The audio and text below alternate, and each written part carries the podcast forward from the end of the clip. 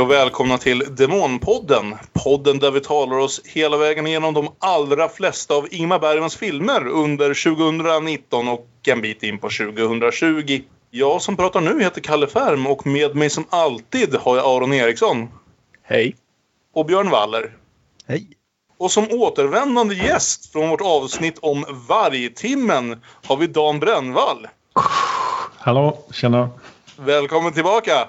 Tackar, tackar, tackar, tackar.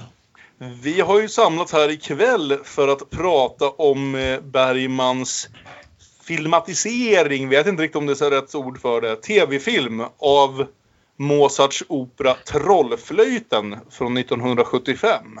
Så ett lite annorlunda avsnitt bara i att eh, vi ändå vant oss någonstans vid att det mesta vi har sett som Ingmar har filmat har han även skrivit.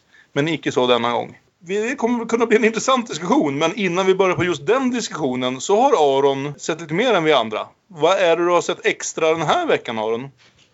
Det är Misantropen från 1974, Molière-pjäsen.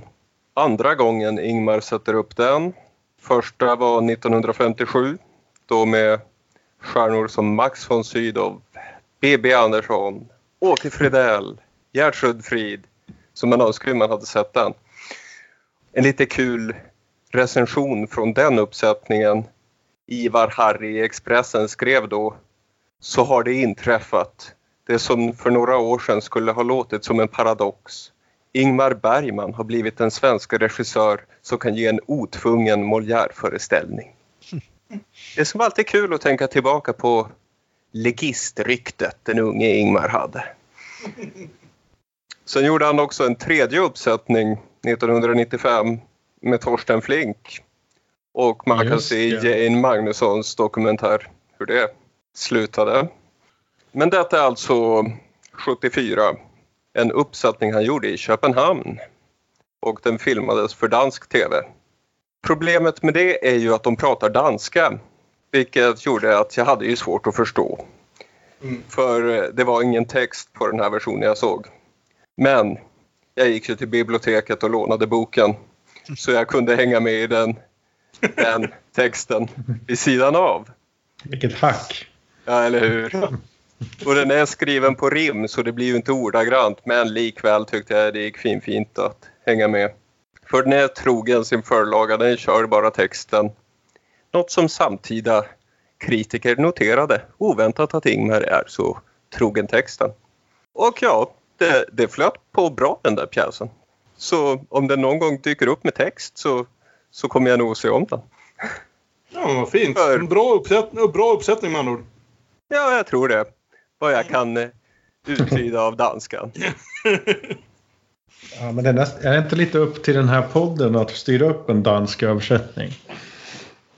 Ja, den följer ju bara boken så, så om någon Ja. kan timecoda undertexter så är det ju busenkelt. Men vem Ja. kan sånt? Ja, men det låter ju ganska spännande. Det låter också som att det finns en del relation kanske mellan den här pjäsen och vårt huvudsakliga tema för kvällen, eh, Trollflöjten.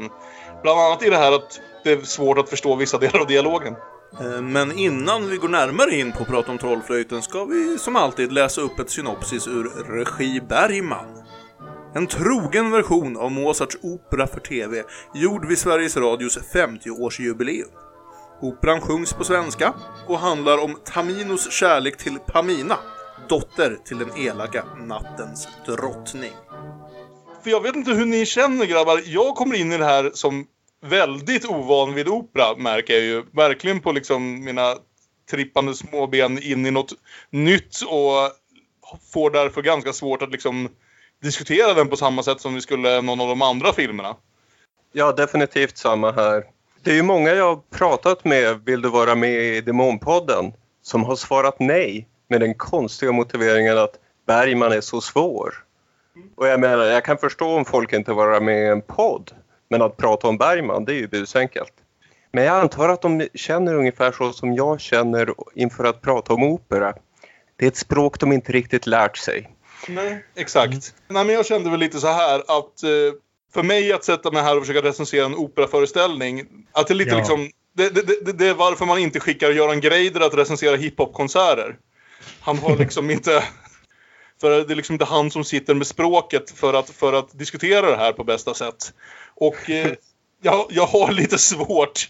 Jag, liksom, jag vet inte ens hur jag ska förhålla mig till det. Jag vet vad min upplevelse var, men jag vet inte om det säger något om huruvida det här är en bra representation av den här operan eller av opera överhuvudtaget för den delen. Nej, jag, jag, jag är väl inne på samma spår men samtidigt jag tänker det är musik. Jag kan musik. Sen att jag inte har liksom hört 40 olika upptagningar av Trollflöjten och kan inte säga hur den förhåller sig till dem. Det, det har inte hans tilltänkta publik heller nödvändigtvis. Nej, Var han ändå är ju det lilla för att- barnet där som tittar. Ja, och den är ju tänkt att tas fram just för tv, för den breda publiken liksom. Mm. Så det är ju inte en svår operaföreställning Ja, på så vis. Nej, jag var inställd på att det skulle vara på italienska och blev glatt överraskad att det var på svenska. Ja, nu förstod man ju nästan var fjärde rad. ja. Jag måste erkänna att jag har ju Criterion-skivan så jag satte faktiskt på de engelska översättningarna för att försöka hänga med lite bättre. För det finns ingen svensk textremsa där. Nej. Eh, och eh, det hjälpte mig nog lite grann. Men sen så var det ganska, ja, vi kommer till det, men lite tacksamt också att så fort som själva huvudpoängerna skulle tas fram så drog de upp de här manuella karaoke-skyltarna.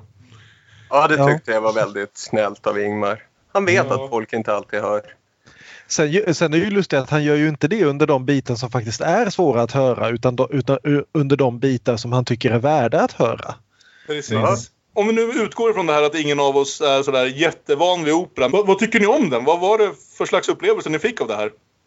Eh, jo, men det var väl lite speciellt. Jag upplevde det lite som långsamt. Stundtals upplevde jag det som episkt om jag lyckades leva in med det. Att sången är en känsla och så vidare.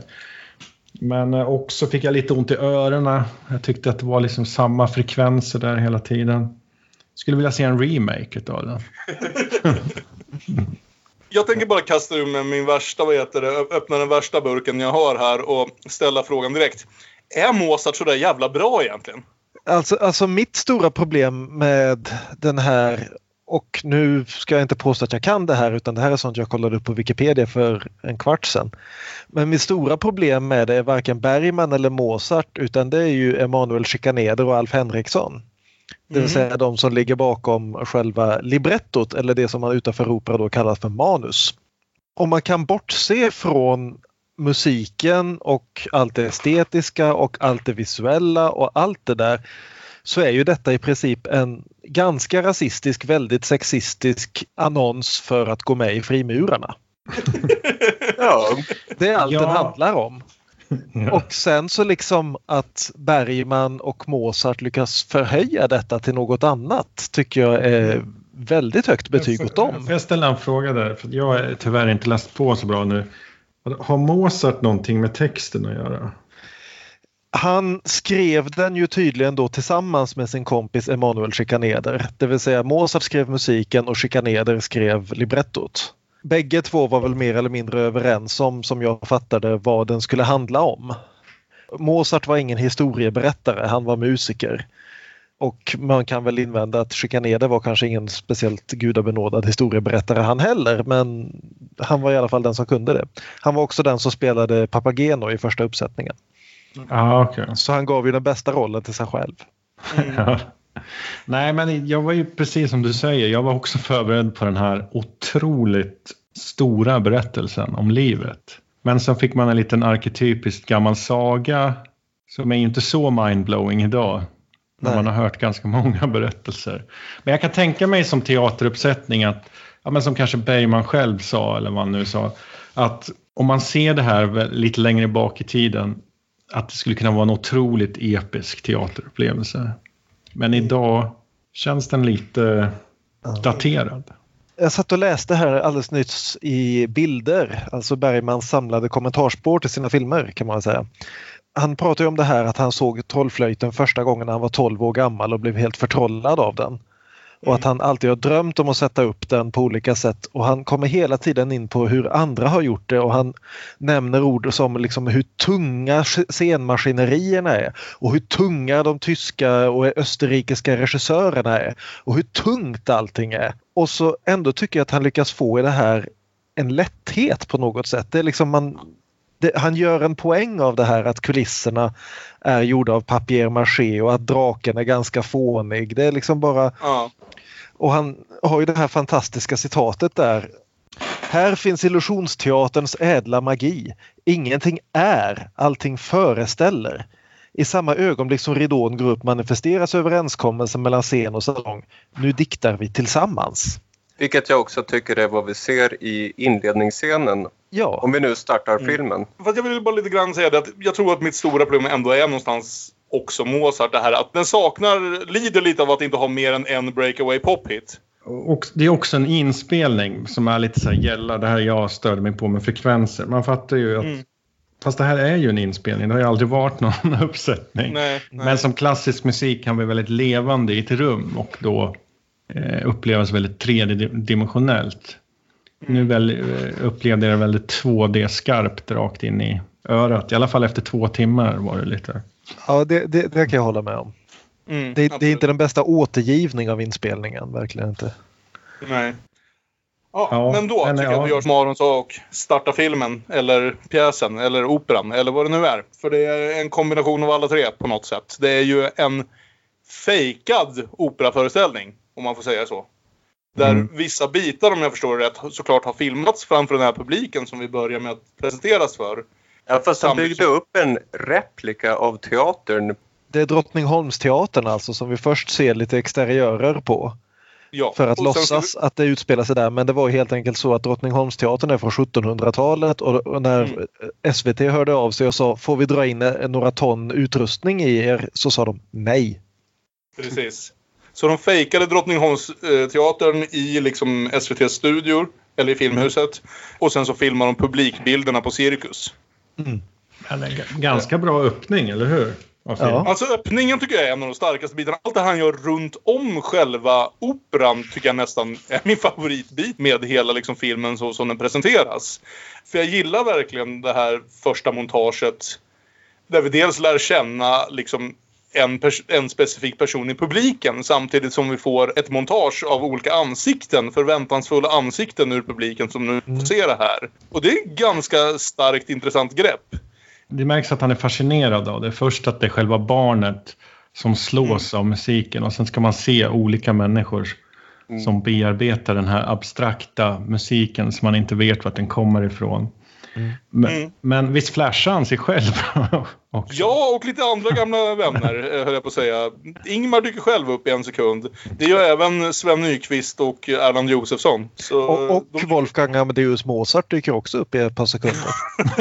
han, han sitter liksom i publiken och lyssnar på sin egen musik. Vi får alla åldrar, alla etniciteter och det är väl att säga opera är för alla. Det är för dig. Du Och det är ju ser dig själv där i publiken. För Mm. vad är mer inbjudande för publiken än ett åtta minuter långt montage av folks ansikten?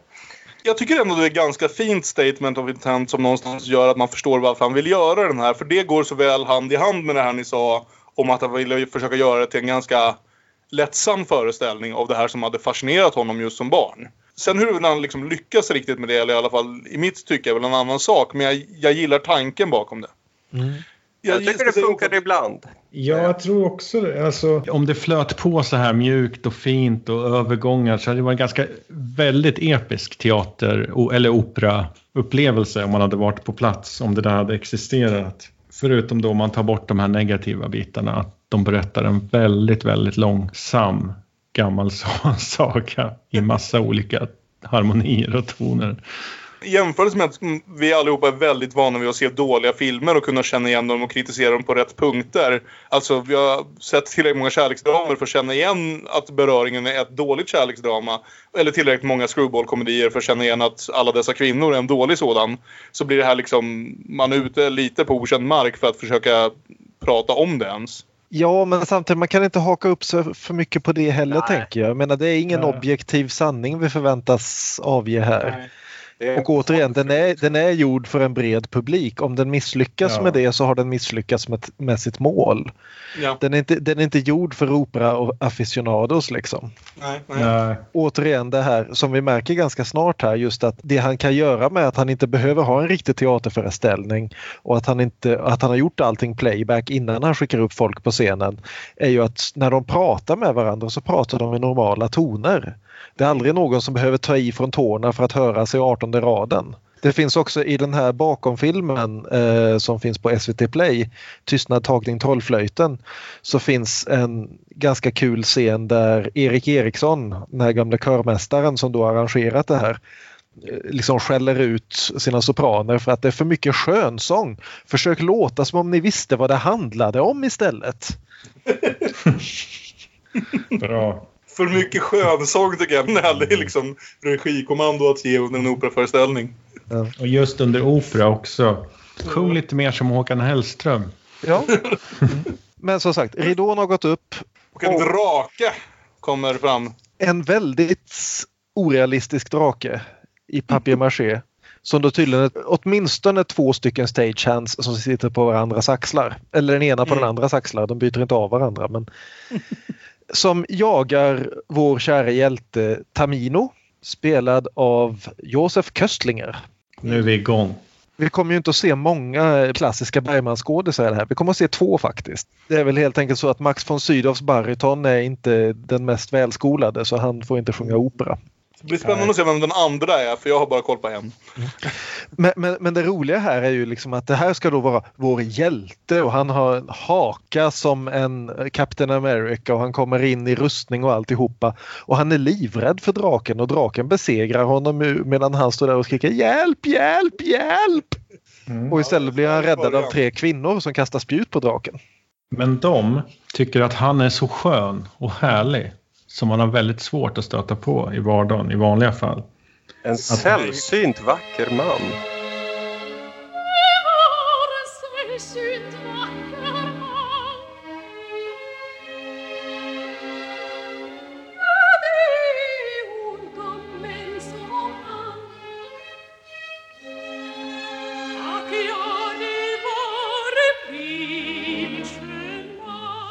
Den här ska vi visa för drottningen.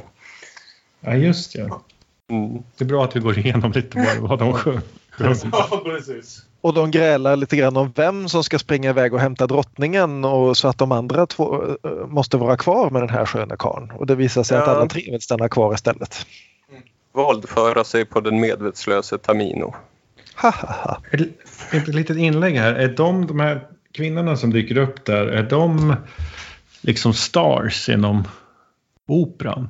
Det lilla jag hann läsa på säger väl att de som faktiskt var välkända inom operan framförallt var väl eh, dels Birgit Nordin sen då, som spelar Nattens drottning och som nu får den mest berömda arian. Och sen han Ragnar Ulfung som spelar Monostatos i en charmerande blackface. Va, var de eh, internationella stars? De var lite mer internationellt kända om jag har förstått det hela rätt, ja. Samtidigt så är ju alla liksom är ju erkända operasångare. Ja, liksom det, Elisabeth Eriksson som har en liten, liten roll som Papagena eh, blev hovsångare sedan och så vidare. och så vidare. Så de, de är ju liksom, det är ju inga amatörer direkt. Men jag Nej, de måste ju vara Bergman- stora namn i Sverige minst. Ja, precis. Jag läste att Bergman hade tagit relativt okända människor ändå. Ja, det är ju inte någonting jag kan uttala mig om. Men det är vad jag har läst. Och han har ju dessutom lånat flera av dem från Danmark. Återigen i den här Tystnad tagning trollflöjten finns en ganska kul scen där en svensk sånger, sångerska ska lära en av de här danska sångerskorna att sjunga på svenska. Vilket visar sig vara... Samvete, helvete, Ja, samvete, helvete. precis. Bra övning. Ja, jag borde ha sett den där alltså. Hur som Ja. helst så, så går Vår vi backstage. kommer in. Nej, vi, vi går in till vår hjälte faktiskt. För vi går ju backstage för att hitta Papageno. Just det, han dyker upp här eller? Det, och Jag det, tänker, jag tänker att det är Papageno som är vår hjälte lite grann. Han är i alla Ja. fall den publikfriande rollen helt klart. Märker Ja. man på en sekund. Är han? Oj då. Skulle jag tro. Ja. Jag tänker direkt på vad heter det, Puck i Midsommarnattsdröm. Att vi måste ha någon lite skojfriskare, lättsammare typ som kommer in. För det händer ju alltid såna här pjäser och så vidare att, vad ska man säga, det huvudsakliga kärleksparet är så jävla urbota tråkiga. Så, Så vi behöver ett irritationsmoment klätt i grönt. Ja, men han är den vanliga, lite klantiga, omoraliska snudd. Lite rädd, lite feg, men ändå... Han ser ut som Sam i Sagan om ringen och Ja, men spelar alltså- ungefär den rollen. Exakt. så, det är så mycket Frodo och Sam när de här två träffar varandra. Så jag var tvungen, jag tänkte på det ganska många gånger. Ja, Men jag, ty- jag tycker det är roligt ändå just det här att Bergman då låter kameran gå backstage och hitta först då skådespelaren Håkan Hagegård som typ halvvägs genom scenen hoppar in i rollen som Papageno och håller fram sin flöjt och börjar göra den där klassiska dum, dum, dum, dum. Som är liksom hans lilla signaturmelodi där. Ja, där är han tillbaks till sin eh, bakom kulisserna. Nu har jag missat några filmer som ni har sett. Men har han flashat mer sådana snickeri bakom? Ja, en, en passion var ganska baserad på det höll jag på att säga. Men, men Johan är fortfarande lite nyfiken på det tror jag. Så när han då hittar den här avsvimmade hjälten och hjälten vaknar och frågar var det du som hade ihjäl draken? Så säger han ja, det är klart. If someone asks you if you're a god you say yes. sen får han syn på draken och gallskriker. Men han fortsätter snabbt spela tuff ändå. Jag tycker det är lite kul också att Håkan Hagegård sjunger på rikssvenska och snackar värmländska. Det, Det är väldigt mycket kakuminalt direkt han får Ja. säga ord. Fågelfångaren. Det får man sätta sig in lite i om dialektal opera. Hur den står sig. Skånsk opera. Jag antar att all opera är rikssvenska. Eller, eller gudspråk kanske, mer. Ja, så måste det vara. Men jag hör inte riktigt skillnaden i distinktionen. Vi märker i alla fall att denna Papageno, vem han nu än är, lever ju redan i något slags förhållande till de här tre mystiska damerna. För de har makten att bestraffa eller belöna honom beroende på hans beteende. Och det verkar han vara väldigt medveten om. För ganska snart här blir han bestraffad för någonting som jag inte kommer ihåg. Att han tar på sig att han har dödat draken, vilket det var ju de som gjorde och de är inte helt glada i att han snor äran där. Så han får ett litet munskydd som gör Aron glad i alla fall i några minuter, tänker jag. Och Tamino får en medaljong med en bild av Pamina, vår hjältinna.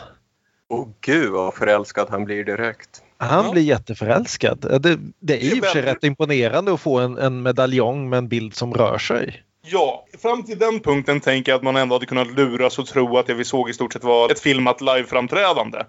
Eh, men när bilden sen faktiskt börjar röra sig in i medaljongen så blir det svårt, en svår illusion att hålla kvar vid. In Sweden they have moving holograms.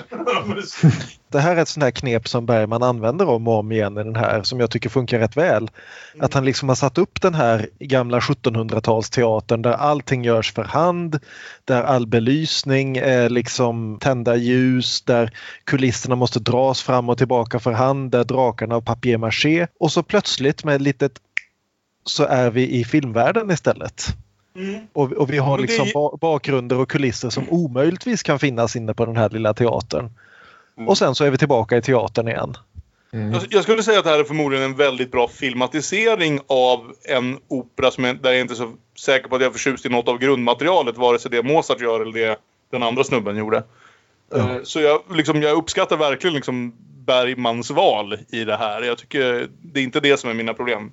Ja, men jag håller med om att han gör något bra där faktiskt. Mm. Just med det här att han hopp, går fram och tillbaka. Man, man har en setting, man känner själv att nu sitter jag och tittar på en teater. Men alltså, han ruckar hela tiden på de olika väggarna och man glider med.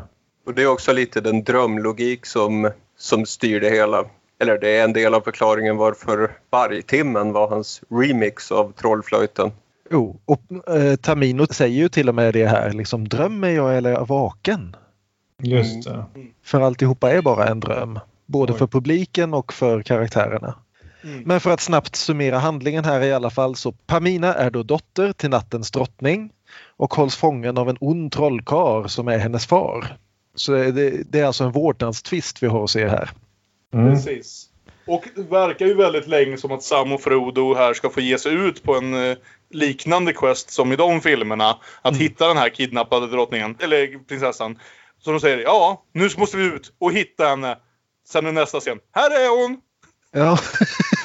Själva handlingsbiten är ju väldigt lustigt berättad. Men en Ja. fråga. Vet vi från början att eh, Sarastro är pappa till Pamina? Jag tror inte Och det. jag bara- missade det i sången.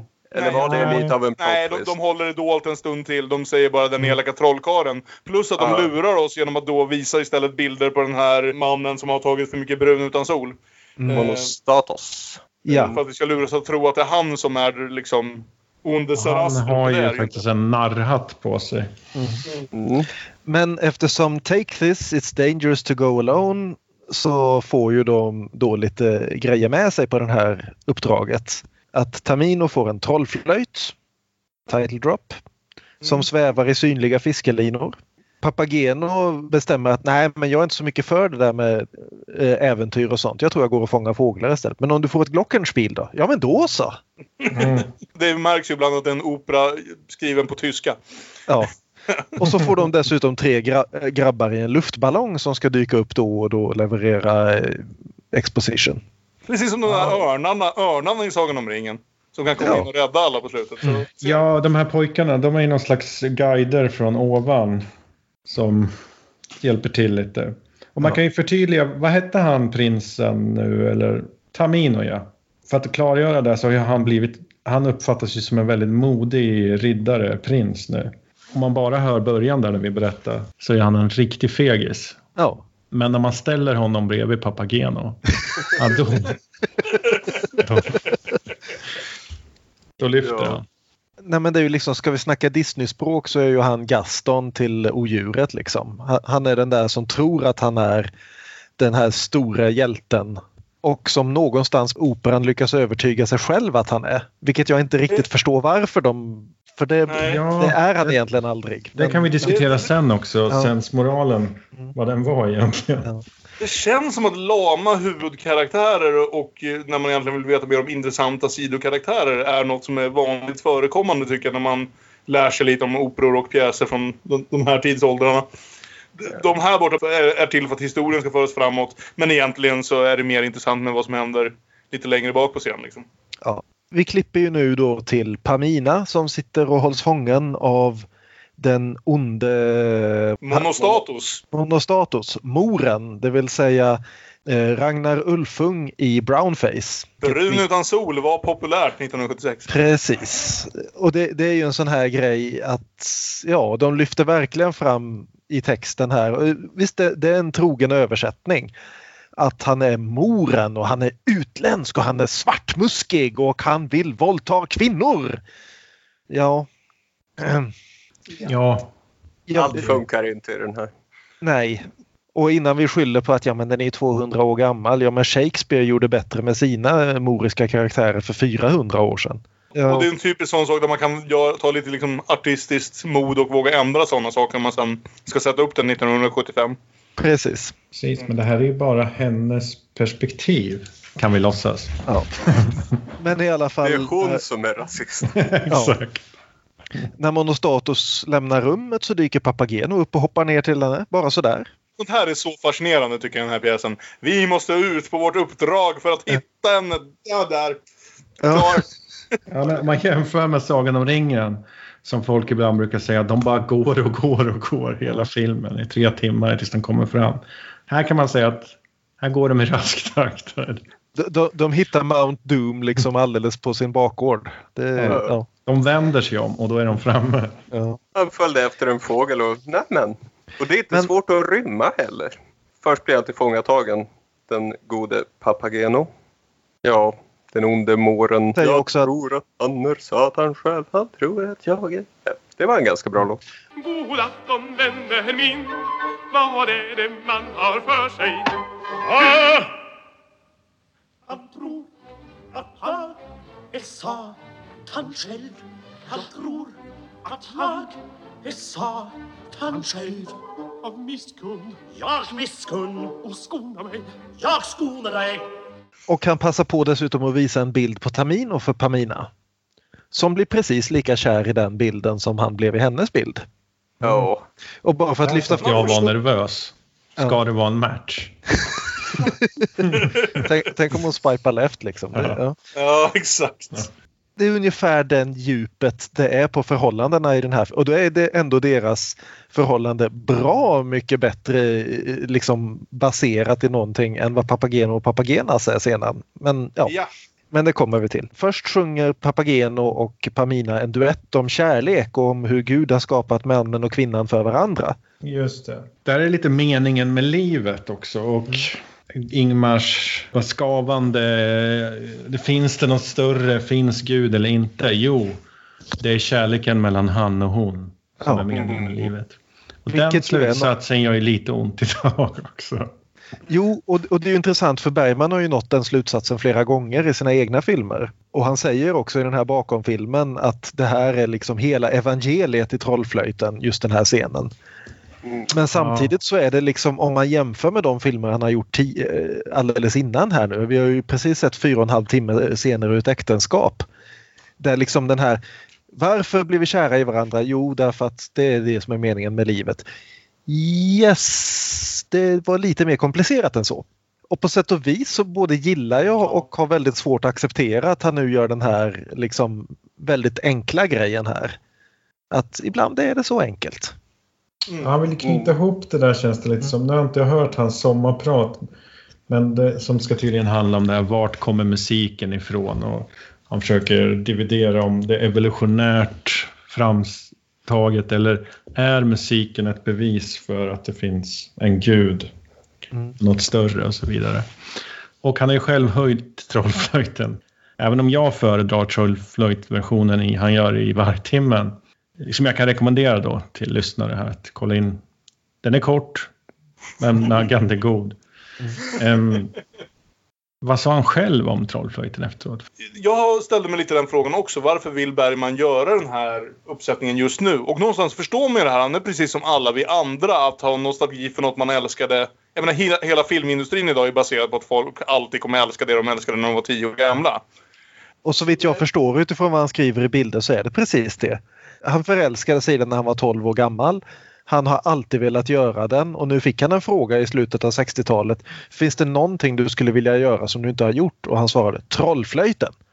Och sen några år senare så sa SVT vi har en halv miljon kronor här som ligger och skräller och inte vet vad vi ska göra, göra av med. Vad vill du göra med dem? Trollflöjten sa han. Så det, är liksom, det har varit hans standardsvar. Den dag jag får ihop allting så att jag kan göra det så ska jag göra det. Det är hans peak, eller hans mag magnum opus, eller vad heter det? Ja, Nu- eller rättare sagt så här. Det, han är ju en som väldig maktposition här. För han kommer ju från scener ett äktenskap som väl måste varit hans rent kommersiellt största succé. Som varenda jävla käft i hela Sverige såg liksom. Så nu kan han berätta hade- hade- hela ja, evangeliet. Precis. Nu har han, får han möjligheten här liksom. Och vad är det då för arketypisk historia vi får höra? Liksom kanske en sån här urhistoria som beskriver människans innersta djup och väsen. Då fortsätter vi. Gu- Gud är, Gud är kärleken precis som i Så som min spegel sa. Och Ja. kärleken ska det också säga preciseras är en han och en hon. Vilket, ja visst. Eh, Jo, nej, men han, han har ju någon utläggning om det i den här bakomfilmen också. Inte för att tjata om den genom hela. Men eh, när de spelar in den här slutscenen som vi kommer till om ett tag så är han på körsångarna hela tiden att ni ska sjunga det här inte så att det låter estetiskt vackert utan som att man sjunger om hur vacker musiken och kärleken är. Och då ska ni inte sjunga det att det är vackert för att det är estetiskt vackert utan för att det är moraliskt rätt. Att kärleken och musiken är samma sak och att detta är det som människan lever för. Ja. Är Ingmar Bergman som diktator. Ja. Det är moraliskt rätt att vandra i led. Men apropå att vandra i led så eh, återgå till handlingen. Så Tamino Tami- flyger luftballong. och hittar ett tempel. Men templet dyrkar Sarastro. Mm. Här börjar vi ju undra. Är det så att nattens drottning i själva verket inte är så snäll? Ja, Tamino vet ju inte vad han ska tro. Och det är här han har den Nej. där klagolåten som vi hörde lite i vargtimmen om. Ja, det är Så- mycket bra, måste jag bara slänga in där. Där är lite mer dynamik i musiken. Lite mer effekter på de här körerna som planterar, svarar han i huvudet från ovan där. Ja, och, och hela den här scenen överhuvudtaget som faktiskt försöker vända det lite på huvudet också med den här äldre mannen den som, som meddelar om det här att Sarastro inte alls är någon ond trollkarl eller tyrann utan en älskad ledare av sitt folk. Ja, jag tycker, tycker det är en av de bättre sekvenserna. Jag gör i alla fall alltihopa lite mindre simpelt och det är också en av de intressantare delarna rent musikaliskt. Och, och det är också en av de intressantaste delarna rent cinematografiskt tycker jag. Ljussättningen här, det är liksom som om Köstlinger har klivit in i en gammal barockmålning liksom. Det ser ut som Rembrandt. En Mm. enda ljuskälla och massor med skuggor. Instämmer. Det är jättesnyggt. Ja. Tills han håller fram flöjten och jagar bort allt det här tvivlet. Ja, så är allting lätt igen. Och han Mm. kallar till sig en massa djur. Och det här är- tycker jag är det roligaste skämtet i hela filmen. Han ka- kallar till sig en massa harar och björnar och valrossar som då spelas av människor i hare, björn och valrosskostymer. Och uppe i kungliga logen sitter ett lejon. Ja, det var roligt. Bara att valrossen var där var ju roligt redan från början och sen kom lejonet där uppe. Ja. Ja. Jag måste bara fråga om det var jag som inte hängde med i allt det som sjöngs eller så. Men förklaras det någon gång vad den här trollflöjten faktiskt har för krafter? Eller är det något sånt här diffust magiskt bara? ja, de säger Den, det. den ska rädda honom ur fara.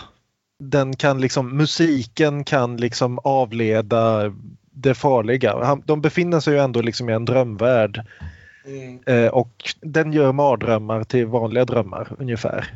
De, de säger ju en definition där. Det är de där tre. Ja. Eller är det Jo, jag, jag uppfattade inte vad de sjöng just där. så jag vet inte. Nej, Nej, jag tror liksom det. att det var någonting med att det ska gå deras väg. Vi ser här också en eh, kort scen med Papageno och Pamina som också är ute och vandrar i samma skog och nästan hittar Tamino. Deras flöjter får kontakt. Ja, precis.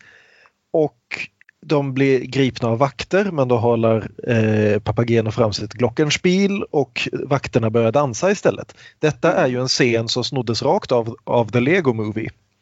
Så. Mm. Just det. Oh yeah, this is my jam. Och här får man ju verkligen manifestet om musik som ett vapen för kärlek och fred. Men Storslaget. istället så kommer ännu mera musik och inströmmar en hel folkmassa tillsammans med Sarastro och alla prisar honom och alla är klädda i röda rockar. Det är, Sarastro, vår profet. det är som i Eyes Wide Shut.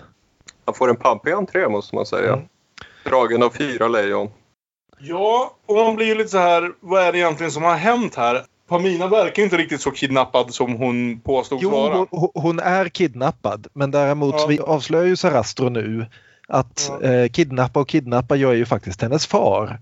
Det här är ju en vårdnadstvist och eh, jag kan ju inte låta en stolt och svag kvinna uppfostra min dotter. Hur ska hon då kunna lära sig att lyda män? Nej, ja, han sjunger väl det. Du har rätt att följa ditt hjärta men tyvärr jag kan inte låta dig gå. Nej, Så- precis. Så jag ska hon- ta hit din kille istället. Ja, precis. Så han ska pröva Papageno och Tamino att se att de duger. Eller att Tamino då duger åt hans dotter. Samtidigt så pass, passar han på bara farten och piska den här moren också därför att han har ju uppenbarligen betett sig. Han har gått lite utöver sina befogenheter som fångvaktare. Hela den här snällheten hos Sarastro är ju lite tveksam när han har den här enforcer monastos, monostos, Mm. monostatus. Ja, något sånt. Just apropå namnet monostatus. Att eh, frimurare tycker ju inte om eh, katoliker.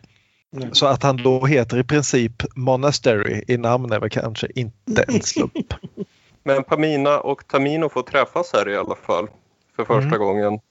Ja. Och bara för att vara fångar, vilken typ av fångar det nu är. Ja, Och det är slutet på akt ett.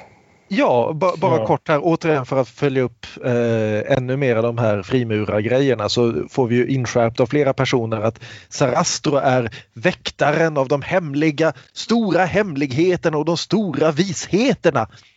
Ja, man kanske ska tillägga att också det är, hans, det är också hans vishet som gör att han ser den rena kärleken mellan sin dotter och den här som jag har valt att kalla för prinsen. Ja. Och det tror Ja. fan att den är ren för den har ju existerat i uppskattningsvis 0,8 sekunder. Exakt. Exakt. Och, kommer det eh, att se ut i femte avsnittet av dessa scener. Man som tror att han ska Man tror helt enkelt när man går in där att de ska bli kidnappade båda två straffade. Ja. Men istället ska de få ärva allt och styra hela kalaset om de bara Ja, kan bevisa men vi, sig. Precis. men vi får ju ett väldigt vackert mellanspel här som typ också är en av mina favoritdelar av hela filmen.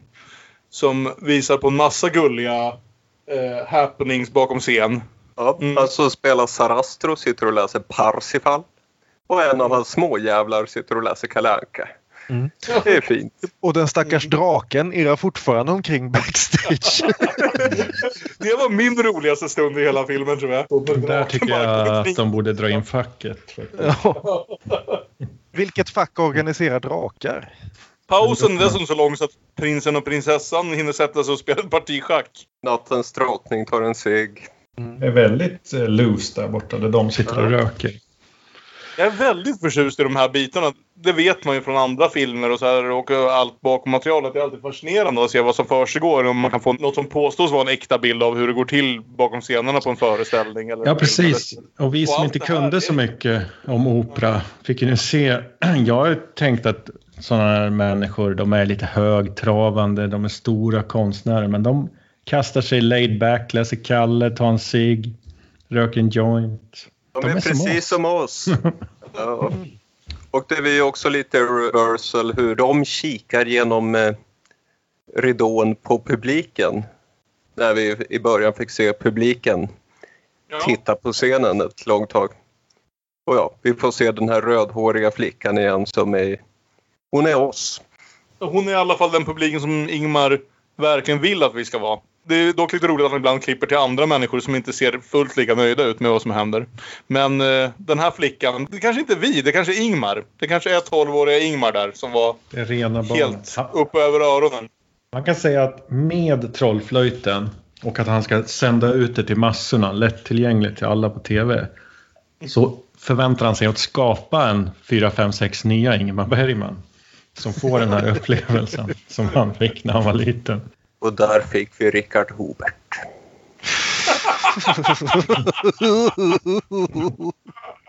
Nåväl, akt två. Och här får vi att Sarastro vill ta upp Tamino i brödraskapet. Mm. Och nattens drottning får vi reda på drivs ju av högmod och vill krossa brödraskapet. Såklart var han tvungen att kidnappa Pamina. Precis, och hans mål är att Tamino ska få hans dotter och sen så ska han få hans stol. Han ska dra sig tillbaka till förmån för Tamino. Denne unge man som han har känt i hela 28 minuter vid det här laget. Ja, men han, han har skarp blick för sånt där. Det har etablerats. Så han vill att eh, Tamino och Pamina ska styra tillsammans över brödraskapet om de klarar prövningar. Precis. Här vill jag säga också att vi lite mer går in i faktiskt rena dialogscener. Det var inte mycket sånt under första akten, men den andra akten har sin beskärda del liksom traditionella dialogscener utan faktisk sång. Eh, och då får man lite chans tycker jag också att bedöma skådespelarinsatserna. Jag tycker, måste säga att jag tycker han som spelar Sarastro, Ulrik Cold, vilket jävla namn, gör, gör ganska väl ifrån sig. Det här är typ fjärde gången han spelar Sarastro eller någonting så han, har, Ja, okej. han kan rollen liksom. Och det är också här som vi faktiskt känner igen för första gången, i alla fall för mig, en skådespelare som vi känner igen. Precis. För Men- Gösta men- Bruzelius hörs ju här. Precis, Gösta Bruzelius, som väl inte är någon operasångare och därför bara får vara med i dialogscenerna, Ja. dyker upp och börjar ge lite instruktioner till prins Tamino. Mm. Och Gösta Bruzelius känner vi då igen från småroller i Det regnar på vår kärlek, Sommaren med Monica, Sjunde inseglet, för att inte tala om alla dessa kvinnor. Och så framförallt så känner vi igen honom från julafton. Åh nej, det är Baloo! Din dumma, Ah. dumma djungelbjörn! Ja, Rederiet är ju Ja, som är han. alla, all, alla skådespelare som, vi, som dyker upp så brukar vi kunna koppla till Rederiet om de levde så länge. Alla, alla som är något. Men han har jobbat med Bergman sedan 39 eller något sånt på teater. Så de go way back. Ja. Men här får vi ett Så- sångnummer som jag tyckte var riktigt fint också. De kör en kärv liten psalm.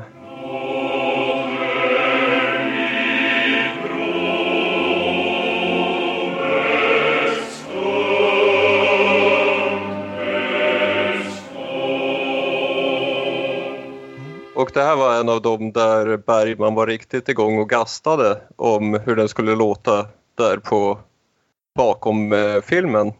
Om att den ska inte vara ett dugg elegant. Totalt okatolsk. Den ska inte vara Mozartsk. Och vad jag la märke till mellan, eh, man hörde en tidig repetition och sen eh, färdiga versionen i filmen, där i, bakom filmen. Och han hade saktat ner den ganska avsevärt. Och jag tyckte den funkar riktigt bra. Så det var en av dem som jag lyckades urskilja i alla fall av låtarna. Det är bra musik men jag skulle nog behövt mer lyssning för att kunna säga någonting. Och Bergman gör också lite snyggt montage här. Det är rena rama liksom eh, musical-romantiken här. Att medan eh, Sarastro sjunger så får vi se bilder av eh, de unga Tu som ligger i varsin sängkammare och drömmer om den andra. Jag tror hon drömmer om honom, jag tror han bara sover som en jävel. Ja. Så gör viljestarka män, som vi kommer tillbaka till snart. Ja. Men så Tamino förs först till prövningarnas hus av Gösta Pryselius och får veta att han ska söka vishet. Sen förs också Papageno till prövningarnas hus av den andra prästen Ulf Johansson som också är en gammal Bergman-hjälte. Han har har varit med ända sedan Kris faktiskt i en massa småroller. Jag tror den största rollen jag har hittat honom i är att han är läkaren i Skammen. Den där som drar rätt en mans arm och säger åt honom att låta bli att spela tennis på några veckor. Ja, ja, okej. Och jag vill säga att Gösta Bruzelius är med i just den scenen i Skammen också. Ja, han spelar prästen där. Så det är nog de två som liksom, ja. Men den här andra prästen är ju en väldigt rolig typ. Mm.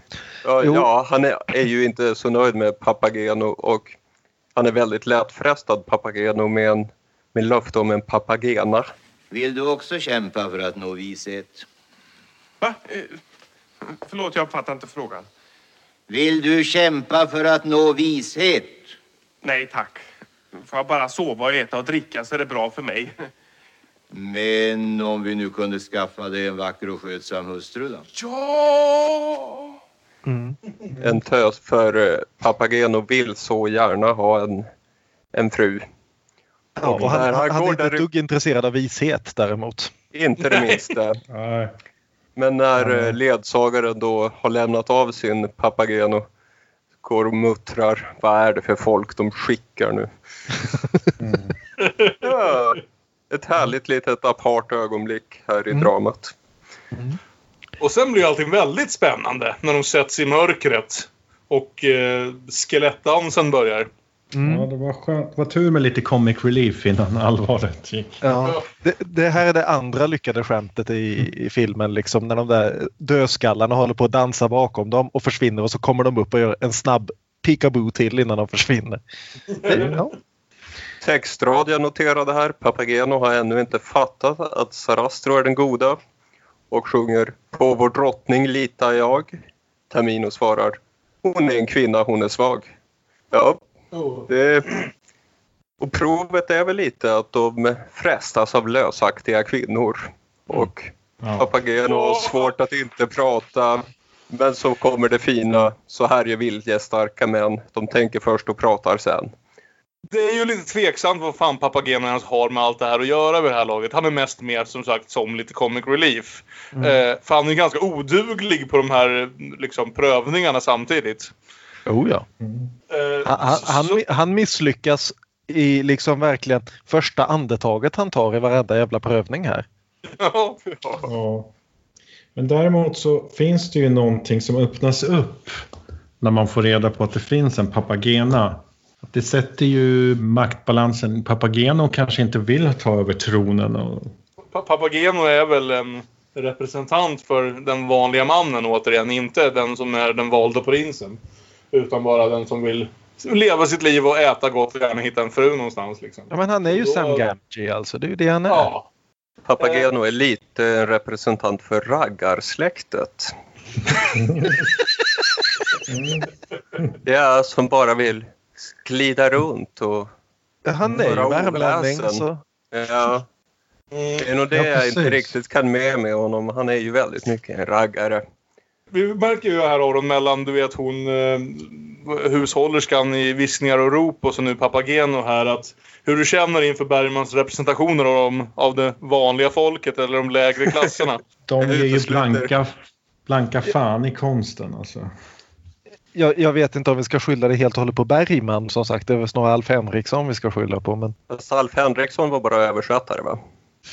Du kan inte översätta ett poetiskt libretto. Du måste skriva, skriva det till ditt eget språk. Liksom. Det är ju rimmat alltihopa. Men Ja, det är. Ja. Men är Alf Henriksson den här historikern som har skrivit Ja. så fina böcker? oh ja, det är samma Alf Henriksson. Äh, don't quit your day job. Men Kalle, hade du engelsk text till? Ja, det hade jag. Nej, men jag slog på engelsk text några gånger. Och bara kolla.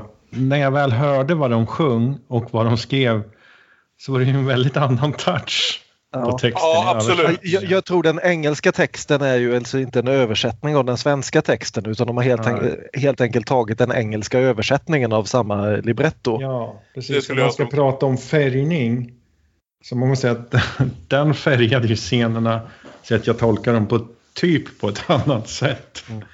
Vår onde mor-trollkarl i Brun utan sol kommer in och tafsar lite på prinsessan igen. Han eh, är väldigt nära men han rör inte. Nej, För- men då så. Ja.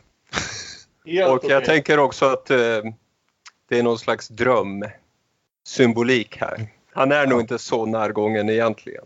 Han vill ha henne i alla fall. Ja. Men sen så får vi det stora ögonblicket som alla har suttit och väntat på. The Nämligen breakaway pop hit! The Breakaway Pop Hit kommer här.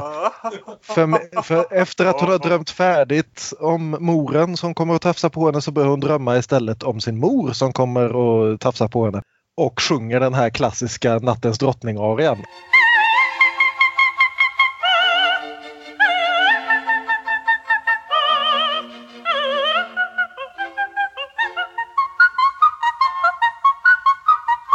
Allesammans nu, kom igen!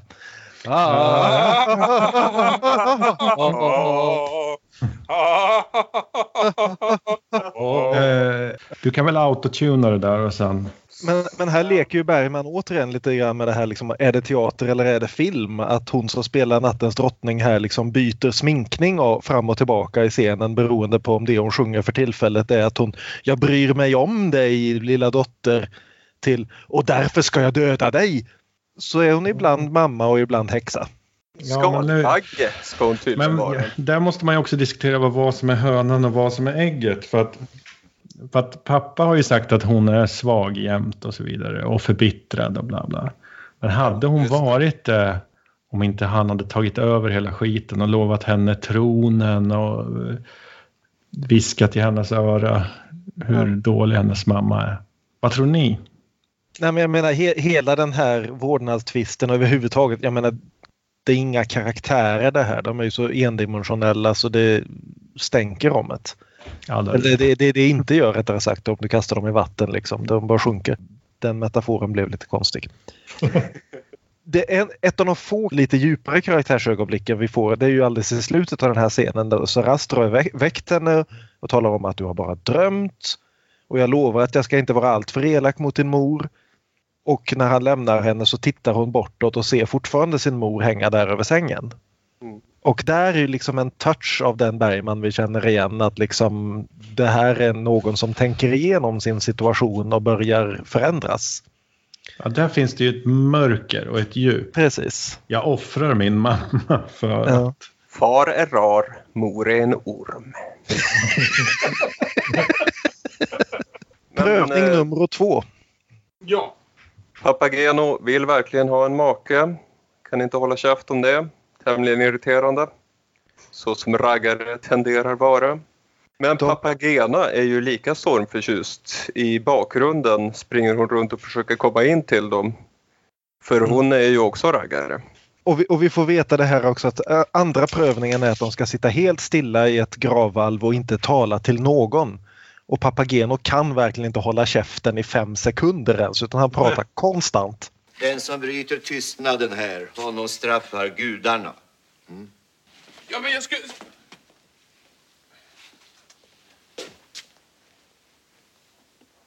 Camino! Camino, har du sett vad som... Inte en som vore hemma i sin koja ändå, eller ute i skogen. Fick man åtminstone höra fåglarna sjunga. Var på Papageno. Papagena hoppar fram, utklädd av någon anledning. Och det här tyckte jag var lite gulligt ändå. Att eh, Papageno är precis lika förtjust i henne oavsett den här häxutklädnaden eller inte. Han verkar knappt se den eller knappt bry sig om den. Exakt. Ignorance is bliss. Det där Man Ingemar. hade ju kunnat tänka sig den här att det skulle vara prövningen va? Att se om man, du vet, tycker du om Ja. mig bara för mig när jag är snygg eller även när jag är liksom sådär. Och Papageno kan ju inte bry sig mindre. Han är så Nej. glad att ha någon Ja. att umgås med. Han är ju hjälten alltså. En riktig man. Ja. Och under tiden så har ju Pamina vaknat också och letar upp Tamino och vill prata med honom men han får ju inte prata med henne. Nej. Så då istället för att försöka göra någon slags teckenspråk så vänder han henne ryggen. Precis. henne och tror. Vakterna sa ingenting om att hålla fram papper och penna. Under hela tiden här så vad heter det, står han dessutom och tafsar lite på sin trollflöjt för Olofs snoppstund har kommit. eh, och ibland är inte en trollflöjt bara en trollflöjt. Stryker den lite, funderar på om den kan användas till något. Ja. Och Pamina blir så förtvivlad som kutar ut i snön och då är vi garanterat inte på Drottningholmsteatern. Och ska hugga en kniv i sig. Men våra kära ballonggrabbar dyker upp och säger åt henne att hugg inte en kniv i dig. Okej, säger hon. Din kärlek lever. Mm. Så det borde du också fortsätta göra. De vill uttryckligen inte säga varför han vägrade tala till henne. Nej, de är- det får de inte röja. Nej. Nej, de är, de är med i prövningen. De tycker att prövningen är helt korrekt. Jag skulle nästan vilja se den här framförd på engelska någon gång. Bara för att en, vid ett tillfälle fick man bara upp den stora raden Suicide must be prevented. Som jag tycker låter som en fin operarad att höra någon sjunga. Ja. Även Papageno kommer ut i snön för han har ju tappat bort Papagena igen och då är det en, bara en sak att göra nämligen att hänga sig.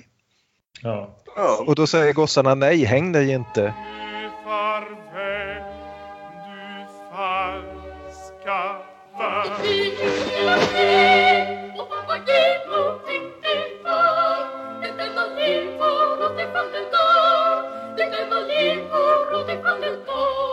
Ja, ni kan skämta, ni och För ni har aldrig känt er samma Ni bryr er ej om flickor än Ditt enda liv går åt ifall du dör är det exakta citatet.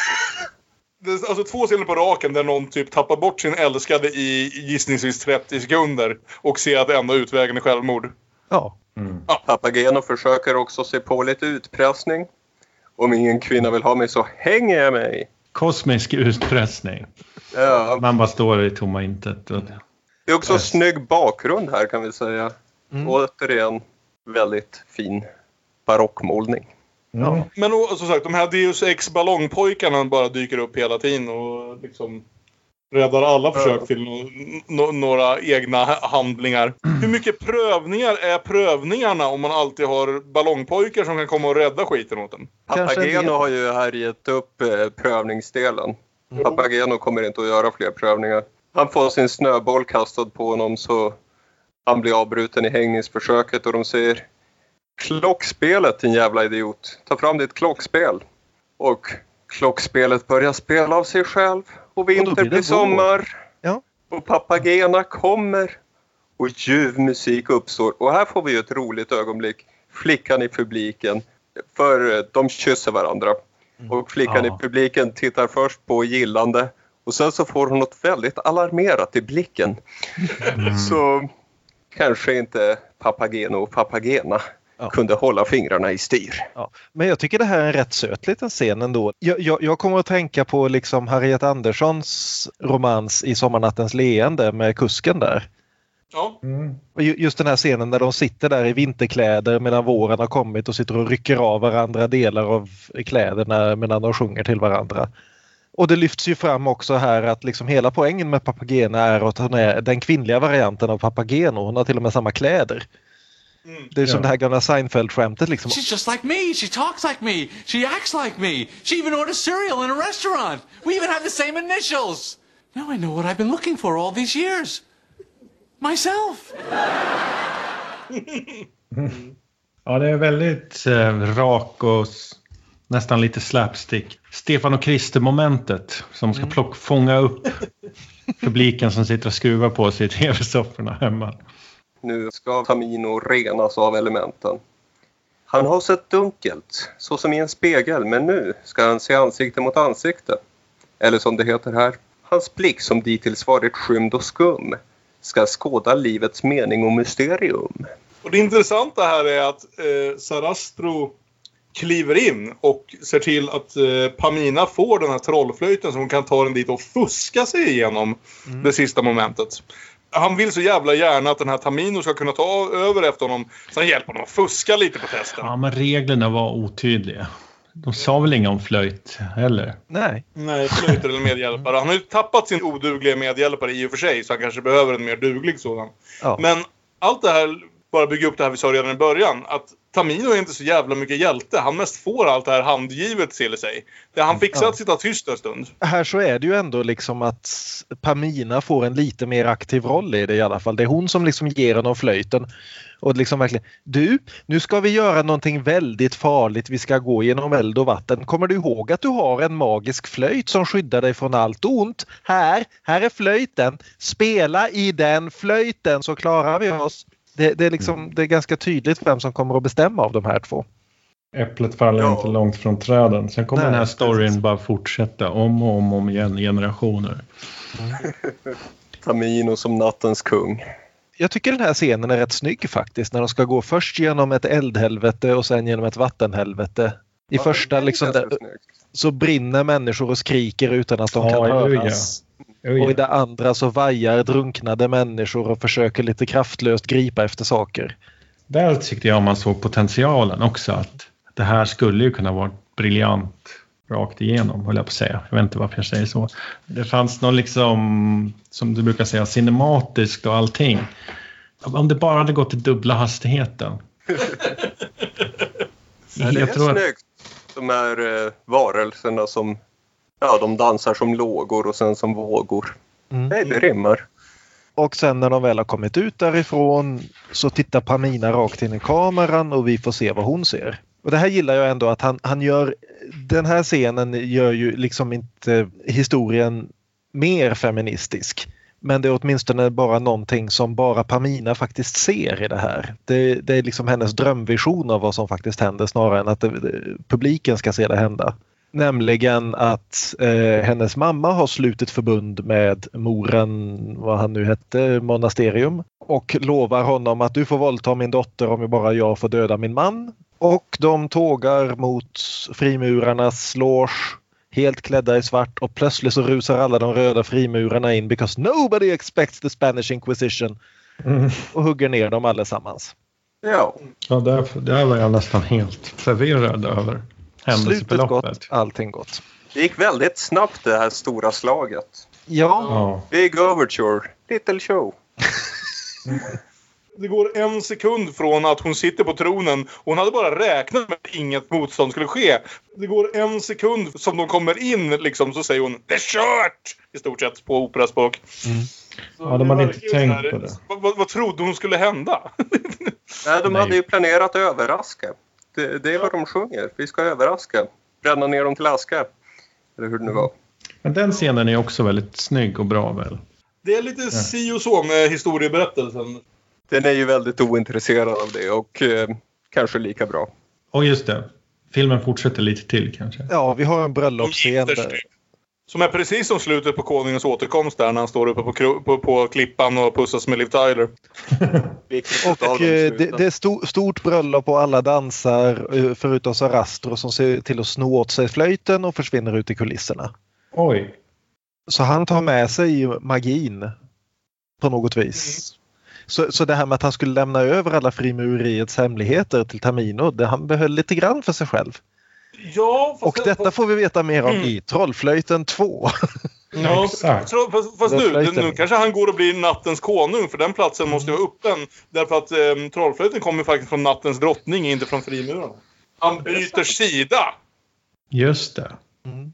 Och det värsta med trollflöjten, det är ju att det är den som gör så att man får som man vill. Det är både det bästa och det värsta. Det är, det är väl sensmoralen lite med filmen är väl också det här att om i livet känns lite kämpigt, jag tar då fram en trollflöjt. If you know what I mean. If you know what I mean. Verklighetens flöjt.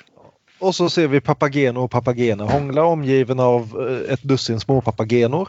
Mm. Och så faller ridån och det är slut. Pappa Guinness. Ja. Och ja, jag lämnas med lite så här en känsla av att ha uppskattat det rent visuellt kanske främst. Ibland även musikmässigt. Men sådär som historia är det ju inte enormt fascinerande. Nej. Men jag blir lite nyfiken nästan ändå på att kolla upp eh, vilka andra operor som anses ha bra filmatiseringar. För det här att faktiskt gå på opera som jag antar är det man egentligen skulle vilja göra är ju lite mer svåråtkomligt. Om man bor i Timrå. Ja. Bergmans Bakanterna kom ju någon gång 90-talet. Då blir det mer opera för oss som extra kollar saker. ja, det var en svår tittning. Ja. Jag tyckte ändå ganska mycket om det här. Ja, Eh, ja, jag- Jo, jag med. Nej, jag började, fick väl mer liksom befäst för mig det här att Mozart inte riktigt är min snubbe när det kommer till klassisk musik. För jag har ändå i omgångar försökt lyssna in en del på klassisk musik och alltid kommit ifrån det med känslan av att det finns många kompositörer jag föredrar innan jag kommer till Mozart. Du är lite som Mozarts samtida kritiker och säger att det är ett enkelt sagospel. Herr Mozarts nya maskinkomedi. Det är Exakt. Salieri som gäller för mig. Liksom. Beställningsjobb. Och Nej, så men jag menar- konstens högsta uppenbarelse. Mm. Vi citerar nu Vargtimmen, om ni har glömt Mm. det. Jo, ja, nej, jag kommer ihåg det och jag håller inte med. Då är jag ju betydligt mer förtjust som sagt i Bergmans andra expertisområden, nämligen Bach. Bach kan jag sitta och lyssna på i timtal. Mozart som jag precis har upplevt kan jag ju tydligen inte göra det med utan att vara ganska uttråkad. Vä- väldigt så här bra melodier och sånt som man kan uppskatta. Men helheten med Mozart tycker jag är lite sjuklig. Var det hitsen, ja, Amadeus? Var det hitsen?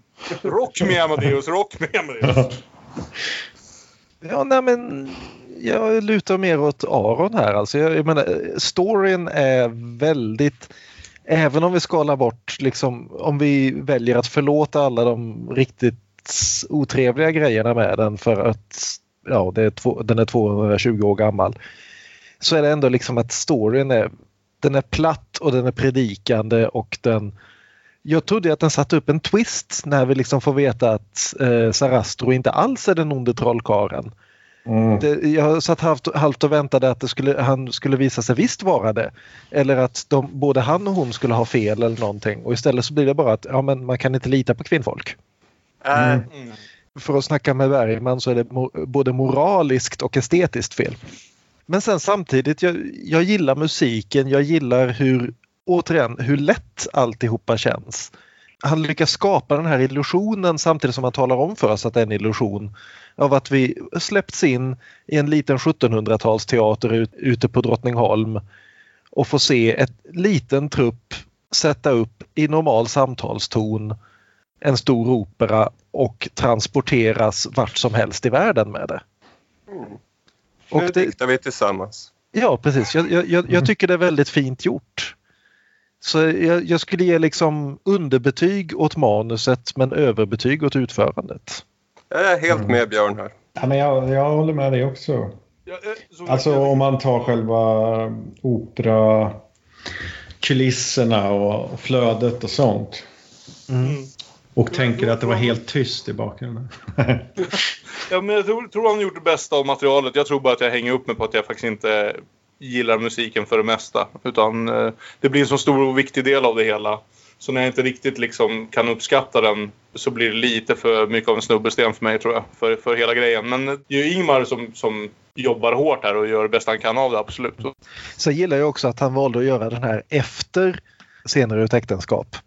Mm. För ärligt talat, vi förtjänade någonting lite barnsligt och lite förtrollat efter Scener ur ett äktenskap. Ja, det noterade jag också när jag läste Vargtimmen-stycket eh, igen för det här. Att vad Tamino drömmer om är fullkomlig kärlek, säger Dracula-karaktären där. Och det efter lovtalet till ofullkomlig kärlek senare ur ett äktenskap är ju en trevlig twist i Bergman-ormen. Jaha hörni, men det för oss väl fram till slutet av diskussionen om Ingmar Bergmans filmatisering av Mozarts Trollflöjten. Och det för oss fram också till vår vanliga lilla lek som vi brukar ha på slutet. Nämligen, vad heter den nu Aron? Dubbelbull. Dubbelspel. Parhäst. Filmfest. Dubbelspel! Spel! Spel. Dubbelspel, dubbelspel. Det här är ju alltså delen där vi allihopa rekommenderar en annan film som vi skulle vilja para ihop med Trollflöjten. Vi brukar börja hos våra gäster men jag inser nu att jag glömde påminna Danne om det här segmentet. Så jag vet inte, känner du Danne att du har något att komma med? Jo, jag rekommenderar Queen Bohemian Rhapsody. Efter jag hade sett Trollflöjten så märkte jag att min hjärna försökte relatera till vad jag hade lyssnat på under två timmar. Jag, jag är inte så bevandrad i opera. Då spelades det lite de här mer närmast operapassagen i Bohemian Rhapsody. Försökte min hjärna påstå att jag hade suttit och lyssnat på. Så där rekommenderar jag. Lyssna på den låten efteråt. Och den kommer från, skiv- från skivan A Night at the Opera. Så Ja, jag försökte ju också kolla om den var någon inspirerad av Mozart och tydligen så var någon ton inspirerad av Mozart. Papageno, Papageno, Papageno, let me go. Björn, vad tänkte du rekommendera den här veckan? Det här är en film som jag har funderat på att stoppa in i alla möjliga dubbelbull och här kom den ju perfekt. Nämligen den bästa konsertfilm som någonsin har gjorts. Eh, Jonathan Demme's Stop Making Sense. Ja, nice. Som ju eh, följer eh, Talking Heads på deras, som det visade sig, sista turné 1984. Där de då har bestämt sig för att verkligen göra en scenshow av det. Och sätter upp det väldigt mycket som en teaterpjäs. Att först kommer David Byrne in alldeles ensam med en gitarr och en trummaskin.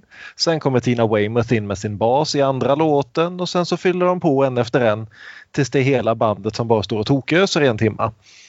Och under tiden så gör de det här mot en kolsvart bakgrund med scenarbetare som springer runt i svarta kläder och fixar till alltihopa. Och man visar heller inte publiken förrän alldeles i slutet. Över- Överhuvudtaget det är en, ett framträdande som riktar sig mot kamerorna i första hand. Mot kamerorna och mot tittarna. Snarare än att titta på vara filmad en konsert rakt av. Så jag undrar lite grann om eh, Jonathan Demme hade sett Trollflöjten. Uh, nu är ju Bergman inte helt ensam om att göra det här knepet men ändå. Plus att om man inte gillar Mozart så borde man gilla Talking Heads. Mm, jättefint. Uh, Aron, Ja, det var ju inte så många bekanta Bergman-skådisar den här veckan. Så jag tänkte helt enkelt att man får leta annorstädes för att få sin Gunnar Björnstrand-fix. Och det är Fröken April från 1958 regisserad av Göran Jentele. Osäker på uttalet. Som tydligen är eh, känd som eh, den som exporterade svensk opera och såg till att den fick världsrykte. Det visste dock inte jag när jag satte mig framför SF-kanalen och såg här Gunnar Björnstrand. För det är en romantisk komedi i operamiljö. Vi har Jarl Kulle, Lena Söderblom, diverse andra ansikten. Ja, Gunnar spelar bankdirektör och efter diverse förvecklingar blir han hopplöst förälskad i en ung dansös på operan. Han råkar hamna på en audition och till allas överraskning, inklusive hans egen, visar det sig att han är en hejare på att sjunga opera. Oj. Och Jarl Kulle som är stjärnan där på operan känner sig ju väldigt hotad av den här nykomlingen Gunnar. Så ni hör ju, det är upplagt för komedi. Och Jarl Kulle är känd från nyår. Ja, precis. Bland annat från nyår. Det är en ganska trevlig liten förvecklingskomedi. Och det var också bra att se Jarl Kulle vara riktigt rolig igen. Efter, för att inte tala om alla dessa kvinnor som lämnade en med en lite bitter kullesmak. Och också dubbelbull. Jarl Kulle råkar olyckligtvis ha blackface vid ett tillfälle. Aj, aj, aj. Ja, han spelar Otello och kommer ju in helt svartmålad. Mm. Aj, aj, aj. Så Men kan det bortsett gå. från det, en Mm. väldigt trevlig liten förvecklings-romcom. Ja. ja, för egen del då, så direkt när den här eh, uppsättningen av Trollflöjten börjar med den här papier-maché-draken som springer runt på scen så drogs mina tankar till en annan filmatisering av en gammal historia eller myt eller legend eller vad det nu är. Nämligen Fritz Langs evighetslånga Die Nibelungen från 1924. Som eh, påminner mig om den här, just i det här att den angrep vad som känns som en gammal myt på flera olika sätt. Alltså både i att historien som berättas utspelar sig för länge sedan men också i att den har ett något gammaldags synsätt.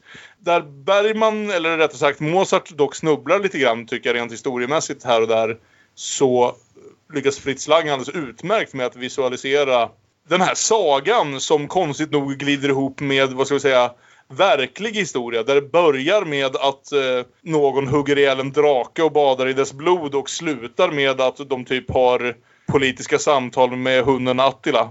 Det är en av de mest intressanta sakerna som jag kommer ihåg med de här väldigt långa filmen. Så lång att den egentligen är uppdelad på två filmer. Det känns som att den börjar nästan i en liksom Sagan om ringen-värld och det känns som att den slutar i något närställt faktisk historia. Och den övergången görs aldrig riktigt, eller den görs så pass subtilt som man knappt märker att den sker. Och den gillar att leva i det här gränslandet mellan sagan och faktisk historia. Och allt det här, inklusive som såklart Fritz Langs vanliga visuella geni, tycker jag gör den väldigt, väldigt sevärd om man nu känner att man har sådär en fyra och en halv timme att döda. När man Mm. har sett klart scenen ur ett äktenskap.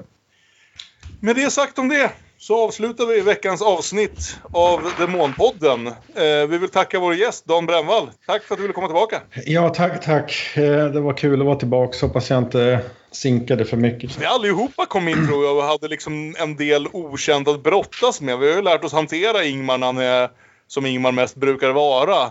Men det här kändes som att det var lite av en utmaning för oss allihopa. Det blev en lättare utmaning med din hjälp.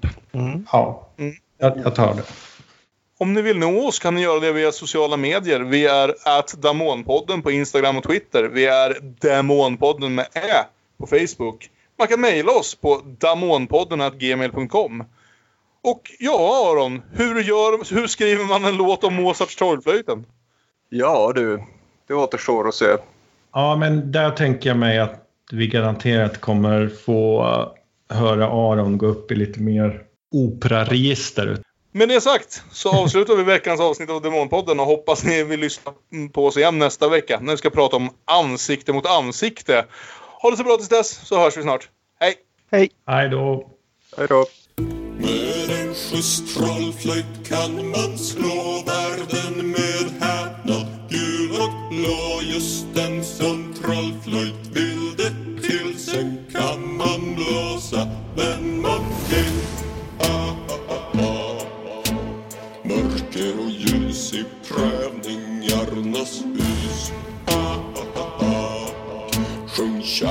En sång i luftballong En man utan flöjt är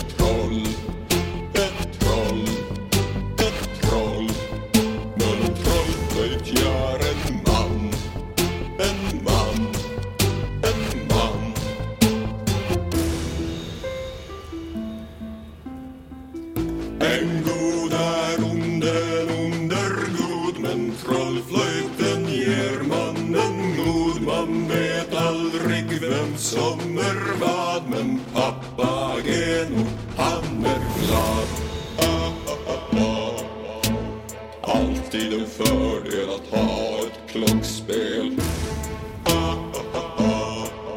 Musikalisk brottning med nattens drottning En man utan flöjt är troll Ett troll,